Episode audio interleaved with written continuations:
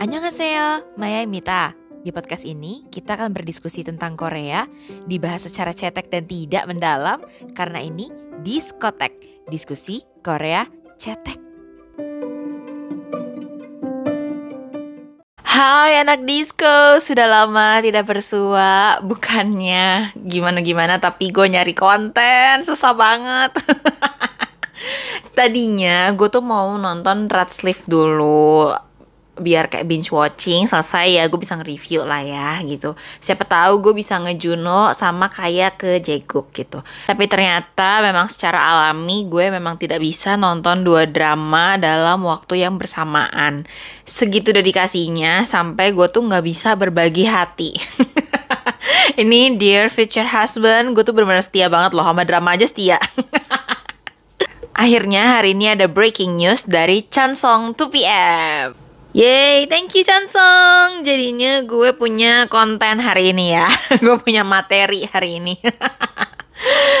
ini tuh lagi musim kewong atau lagi musim Hamidun?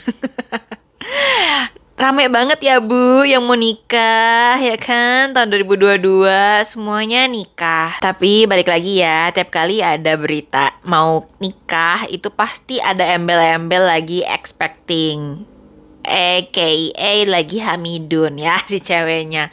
Aduh, pusing, pusing, pusing, pusing.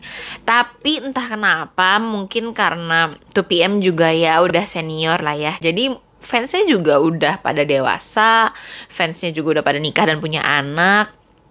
Jadi yang ngelihat uh, biasnya ngeliat idolnya nikah, ya udah gitu kan. Tapi karena berita Chansong ini, gue akhirnya jadi kayak apa ya kepikiran untuk ngebahas dari sisi lain gitu loh kayak gue mau ngebahas perbedaan ngefans sama idol versus ngefans sama aktor karena ini selama pandemi itu tuh banyak banget eh, orang-orang yang tadinya bukan pecinta Korea bukan penikmat Korea tiba-tiba jadi penikmat Korea gitu. Dan kebanyakan ya terjunnya ke drakor ya paling gampang kan apalagi. Cuman banyak banget yang jadinya salah kaprah uh, apa ya ngefans sama aktor tuh disamain caranya sama kayak ngefans sama idol. Which is menurut gue sebenarnya tuh super duper beda ya uh, di sini karena gue bisa dibilang lumayan senior ya dalam hal jadi fan girl jadi gue bisa melihat dari kejauhan perbedaan ngefans sama idol dan ngefans sama aktor ya gue kasih tahu perbedaannya yang pertama ngefans sama idol itu jauh lebih intens, geng. Tapi kalau sama aktor, itu biasanya intensnya itu pas dramanya tayang aja. Atau ya sebulan setelah drama tayang masih ada lah ya hawa-hawa kagak move onnya gitu. Nontonin behind the scene-nya, nontonin ya mereka kayak suka foto-foto bareng sama lawan mainnya segala macam gitu. Jadi nggak bisa disamain. Dan ini kejadian nyata tahun 2016, mungkin adik-adik masih pada SMP. atau mungkin masih SD ini kakak udah nonton drama Korea udah lama. Tahun 2016 itu ada drama yang heboh banget. Judulnya Descendant of the Sun ya. Dots. Di situlah pertama kalinya Jungki Opa meledak karirnya. Terus uh, gue di situ suka banget. Bahkan dari episode pertama tuh Dots tuh udah the best banget, the best banget, best of the best ya. Jadi udah udah kena hooknya banget di situ gue langsung suka sama Jungki di tahap gue sampai ngeganti suara notif WhatsApp gue pakai suaranya Jungki yang uh, kalau dipanggil sama uh, bosnya. Biasanya kalau arminya Korea tuh kalau dipanggil nyebutnya Tangyol gitu. Kalau kalian inget ya, sekarang nonton Dots deh. Jungki sering banget Tangyol, Tangyol, Tangyol gitu. Nah itu dulu sampai gue pakai jadi notif WhatsApp.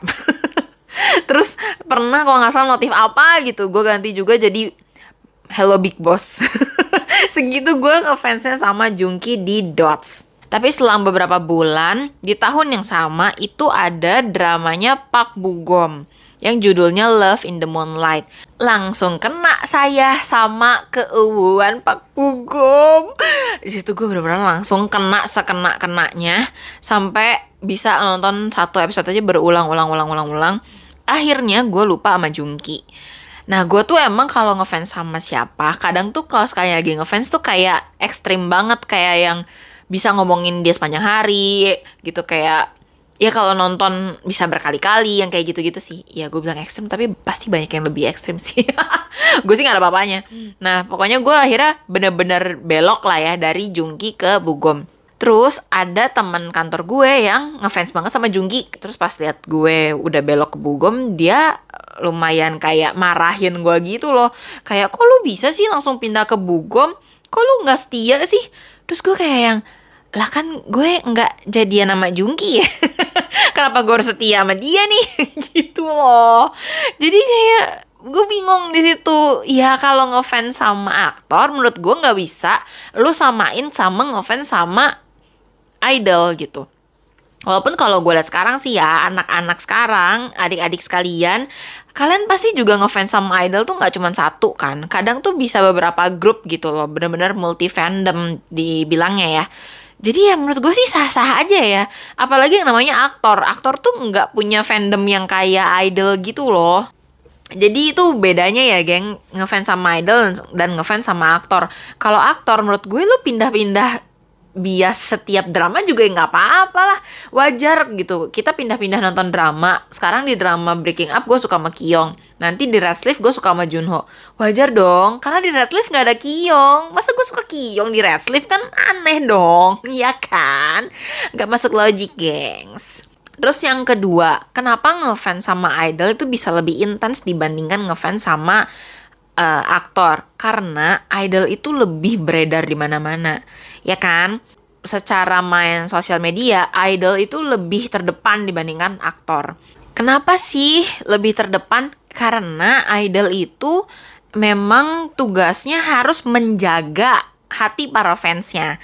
Biar ya kayak gitu biar nggak loncat-loncat kayak gue kalau kalau suka sama aktor gitu kan. Dan sekarang namanya idol kan pasti tiap kali comeback bikin challenge kan di TikTok di reels gitu.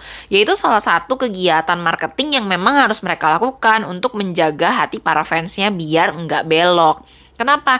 Karena idol itu ya pendapatannya sebenarnya apa ya kayak kecil-kecil tapi sering gitu loh. Dibandingkan kalau aktor ya dia sekali main drama langsung jebret gede gitu. Tapi kalau idol tuh ya dicicil. Ya dari jualan album dari jualan aksesoris merchandise gitu kan. Makanya kenapa hati para fansnya tuh harus sangat amat dijaga supaya nggak pindah ya. Makanya kenapa juga kalau kalian perhatiin ya aktor pernah ada yang live nggak sih jarang banget gak sih aktor sampai live gitu kan di IG, di V Live itu jarang banget. Kalau nggak special event dari agensinya itu aktor tuh bisa dibilang hampir tidak pernah dan tidak mungkin kali ya. Tapi kalau idol itu tuh bisa ya sering banget atau ya iseng aja gitu sebelum tidur ya live aja. Kadang idol juga banyak yang live tapi nggak ngomong apa-apa, cuma nunjukin ketampanan dan kecantikan paripurnanya aja gitu kan. Jadi ya kenapa suka sama idol itu bisa lebih intens karena interaksinya juga lebih intens dibandingkan sama aktor gitu. Bahkan idol juga lebih sering ditemukan di TV dibandingkan aktor. Bayangin aja kalau idol lagi comeback, dia tuh bisa muncul di beberapa variety show udah pasti ya. Apalagi ya acara musik ya udah pasti lah karena comeback ya kan.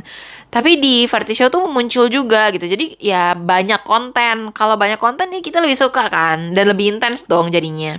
Sedangkan kalau aktor ya dia palingan kalau drama juga press con. Sekarang ya lumayan ya ada The Swoon. Jadi ya lumayan lah kalau masuk Netflix ada apa sih kayak suka main games gitu sama lawan mainnya atau kayak ada interview-interview singkat banyak behind the scenes segala macam itu lumayan banget. Tapi abis itu apa? Ya Udin kan sampai situ aja kan. Dan aktor pun juga ngepost di IG pas lagi dramanya tayang. Ya palingan pas hari H dramanya tayang ya kan? Jangan lupa nonton segala macem gitu kan? Ya udah sebatas gitu aja dan bahkan aktor pun kalau ngepost lebih sering uh, foto-foto dari majalah ya kan? Kayak dia habis pemotretan majalah apa kayak gitu pasti di postnya di IG dia gitu. Ya sesimpel itu bahkan story aja bisa dibilang jarang ya. Palingan ya repost dari brand yang endorse dia lah atau gimana gitu. Jadi bisa dibilang suka sama aktor tuh ya kurang dipupuk gitu loh rasa cintanya ya kan apalagi aktor yang papan atas yang tidak mungkin kita temukan di variety show gitu tapi gue ngerti banget sih, aktor-aktor papan atas itu nggak mungkin masuk ke variety show karena itu bisa menghancurkan image mereka gitu. Ini beneran terjadi sama gue sih ke Ji Chang Wook. Jadi gue itu nggak tahu Ji Chang Wook dulu. Gue tuh taunya Ji Chang Wook itu pas dia masuk ke Running Man episode 200-an deh. Pokoknya pas dia itu uh, jadi pasangannya Lee Kwang Soo, terus dia tuh sampai kena hukuman penalti yang harus pergi ke Taiwan, terus di Taiwan itu naik roller coaster yang super duper serem. Ya kalian cari aja deh itu Running Man episode berapa gue lupa. Terus di situ si Ji Chang itu bahkan gak bisa selesaiin mission sampai Kwang Soo yang harus selesaiin missionnya Ji Chang gitu. Jadi bener-bener sepabo itu terus dia suruh cari uh, R flag yang logo R-nya Running Man terus dia dia pikir tuh R R-nya itu bukan R tapi R itu kan kalau bahasa Korea artinya telur. Dia cari bendera bentuk telur. Sepabo itu, geng. Jadi gue kayak pas nonton itu apaan sih nih aktor gitu. Dan karena waktu itu uh, bintang tamunya banyak ya, bukan cuma spesial di Changwook. Jadi gue pikir ah aktor ah mungkin masih pemeran pendukung kali ya gitu. Eh nggak taunya abis itu langsung rame tuh The K2 lah uh, healer lah segala macem gitu tuh semua orang pada memuja-muja Ji Chang Wook tapi gue masih nggak bisa nonton dramanya dia gitu karena uh, image Ji Chang Wook di otak gue itu Pabo yang di Running Man gitu loh. Jadi gue nggak bisa lihat Ji Chang Wook versi keren versi manly itu gue nggak bisa karena dia di Running Man nggak kayak gitu. Which is harusnya aslinya ya yang di Running Man gak sih?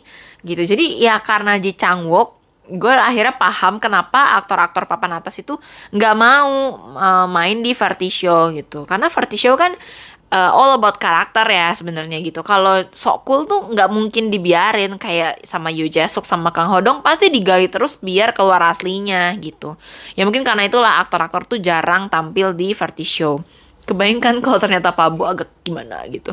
Apa ya tergantung agensinya lagi lah ya gimana mau uh, bikin image si aktor ini. Cuman ya gitu kenapa nggak bisa terlalu intens kalau sama aktor? Ya abis drama ya hilang bu gitu kan. Dia muncul di IG juga kadang-kadang bu. Kayak sekarang nih gue suka sama Song Kang terus dia kan abis Nevertheless ya udah kan lagi prepare buat next drama gitu. Terus dia ngilang ya muncul di IG seminggu sekali aja udah alhamdulillah puji Tuhan ya terus kalau nggak ada ya gimana dong? Gitu. Masa gue mau lihat foto yang itu mulu? Kan nggak mungkin kan? Jadi sekarang ngerti ya bedanya ngefans sama idol dan sama aktor. Terus yang ketiga ini pernah gue bahas juga sebenarnya di episode yang halu sama idola bebas. Uh, kenapa kalau idol pacaran nggak boleh kalau sama kalau aktor pacaran boleh? Gitu. Ya karena kalau aktor kita ngeliat dia di drama itu udah ada pasangannya. Jadi yang ada kita tuh kayak malah jadi seneng ngeliatnya pacaran gitu. Kayak kalau kita lihat di drama dia gemes banget sama ceweknya. Terus tiba-tiba dia jadian sama ceweknya beneran gitu. Akhirnya kan kita kayak ngebayangin oh ceweknya beruntung banget. Dia kan pasti gemes banget waktu jadian. Eh, jadinya ya udah nge-ship aja gitu kan. Tapi beda sama idol. Idol itu nggak pernah menunjukkan sisi uh, jadi pacarnya seseorang ya kan? Mau cewek mau cowok nih ya. Jadi nggak bisa kita ngebayangin nih idol bisa punya pacar gitu loh. Karena idol itu selalu memposisikan ya fansnya itu adalah pacar mereka. Mereka update di sosmed ngasih tahu kabar mereka ke fansnya. Kan kayak kayak pacar lah ya nanya gimana udah makan belum segala macam gitu jadi ya fansnya nggak bisa membayangkan kalau si idol ini akan bertindak lebih spesial lagi ke pacar aslinya gitu loh dibandingkan sama fans. Itulah kenapa para fans idol itu biasanya nggak terima kalau idolnya punya pacar. Tapi kalau idolnya sudah berumur dan fansnya pun sudah berumur ya lebih dewasa menyikapinya, ya biasanya kayak fansnya Suju. Tapi sekarang begitu Suju opanya udah menjelang mau 40 ya kan, terus ya fansnya juga udah pada mau 40 juga kali ya. Gitu. Jadi sekarang mulai pada kayak yang ya nikah dong, nikah dong gitu. Gue kok sedih ya. Gue gue sedih loh jujur loh. Maksudnya kayak lo dulu ngelarang-larang idol lu untuk even punya pacar gitu. Sekarang pas lo udah bahagia dengan suami lo, dengan istri lo, lu baru nyuruh gitu kayak why menurut gue idol-idol pun sekarang lagi punya pacar bu. Adik-adik jangan sedih ya kalau opanya punya pacar. Karena kalian juga kan punya pacar. Udahlah adil ya kan?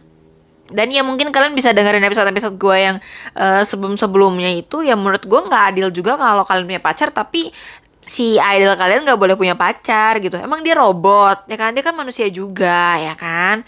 Jadi ya udahlah. Makanya kenapa nih kayak Chansong Chansong tiba-tiba nikah terus uh, bilangnya ya nggak baru lah ya punya pacarnya juga udah lumayan lama tapi ya sekarang lagi hamil. Ya gue sih nggak kaget jujur. Gue nggak kaget karena Chansung punya cewek gitu. Karena menurut gue tuh PM Opa pasti ada nih yang punya cewek nih nggak mungkin cuma cansong doang gitu loh. Pada akhirnya ya kita sebagai fans dan dia sebagai idol ya punya hidup masing-masing gak sih ya kan? Ngapain gitu? Yang penting sekarang ya dia udahlah kalau misalnya mau nikah ya dikasih selamat aja.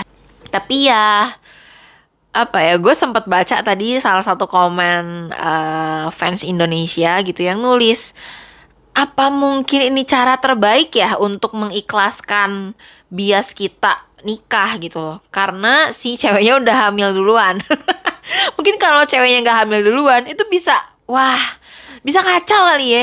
Apalagi kalau ceweknya tuh bukan artis pasti dicari tahu banget latar belakangnya apa kalau nggak cakep dikatain.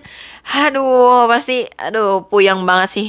Mungkin memang ini jalan terbaik ya untuk merelakan idol yang kita suka itu untuk menikah. Tapi gue sih berharap ke depannya jangan ada berita nikah gara-gara one shot gini dong. Kayak apa ya image-nya kok agak gimana gitu loh agak uh, apa ya mungkin apa zamannya udah berubah apa gimana. Tapi gue gue takut ini jadi contoh yang tidak baik untuk fans-fansnya yang masih generasi MZ gitu loh. Jadi ya semoga adik-adik yang dengerin podcast gue uh, jangan diikutin ya kalau kalian suka sama opa uh, Bobby opa sama Chansong opa sama Taejun opa. Jangan diikutin uh, jejaknya yang uh, ya hamil duluan sebelum nikah gitu. Karena ya mungkin di Korea nggak apa-apa gitu kan dan memang uh, umum kali ya di Korea. Tapi kalau di kita kan belum umum ya untuk masyarakat kita gitu dan jangan sampai juga sih menurut gue dijaga aja gitu. Jadi ya uh, adik-adik harusnya lebih pinter kan anak-anak zaman sekarang. Dan semoga uh, apa ya kembali lagi gue selalu ngedoain uh, pasangan-pasangan selebriti Korea yang udah lama dan udah banyak banget shippersnya please kalianlah cepetan yang nikah ya. Jangan yang tiba-tiba mulu jangan yang tiba-tiba hamil baru nikah ya. Please kayak Kim Ubin sama Sin Mina yang bentar lagi dramanya bareng. Uh, nggak uh, tahan. Please kalian cepetan nikah. Terus gara-gara Taejun sama Chansong mau jadi bapak ya kan semua jagat raya suruh Suyong nikah. Kalian siapa? Hey, ingat kalian tuh cuma fans. Kalian tuh ngelarang nikah, ngelarang pacaran, terus sekarang nyuruh nikah, nyuruh punya anak. Aduh, fans mah bebas.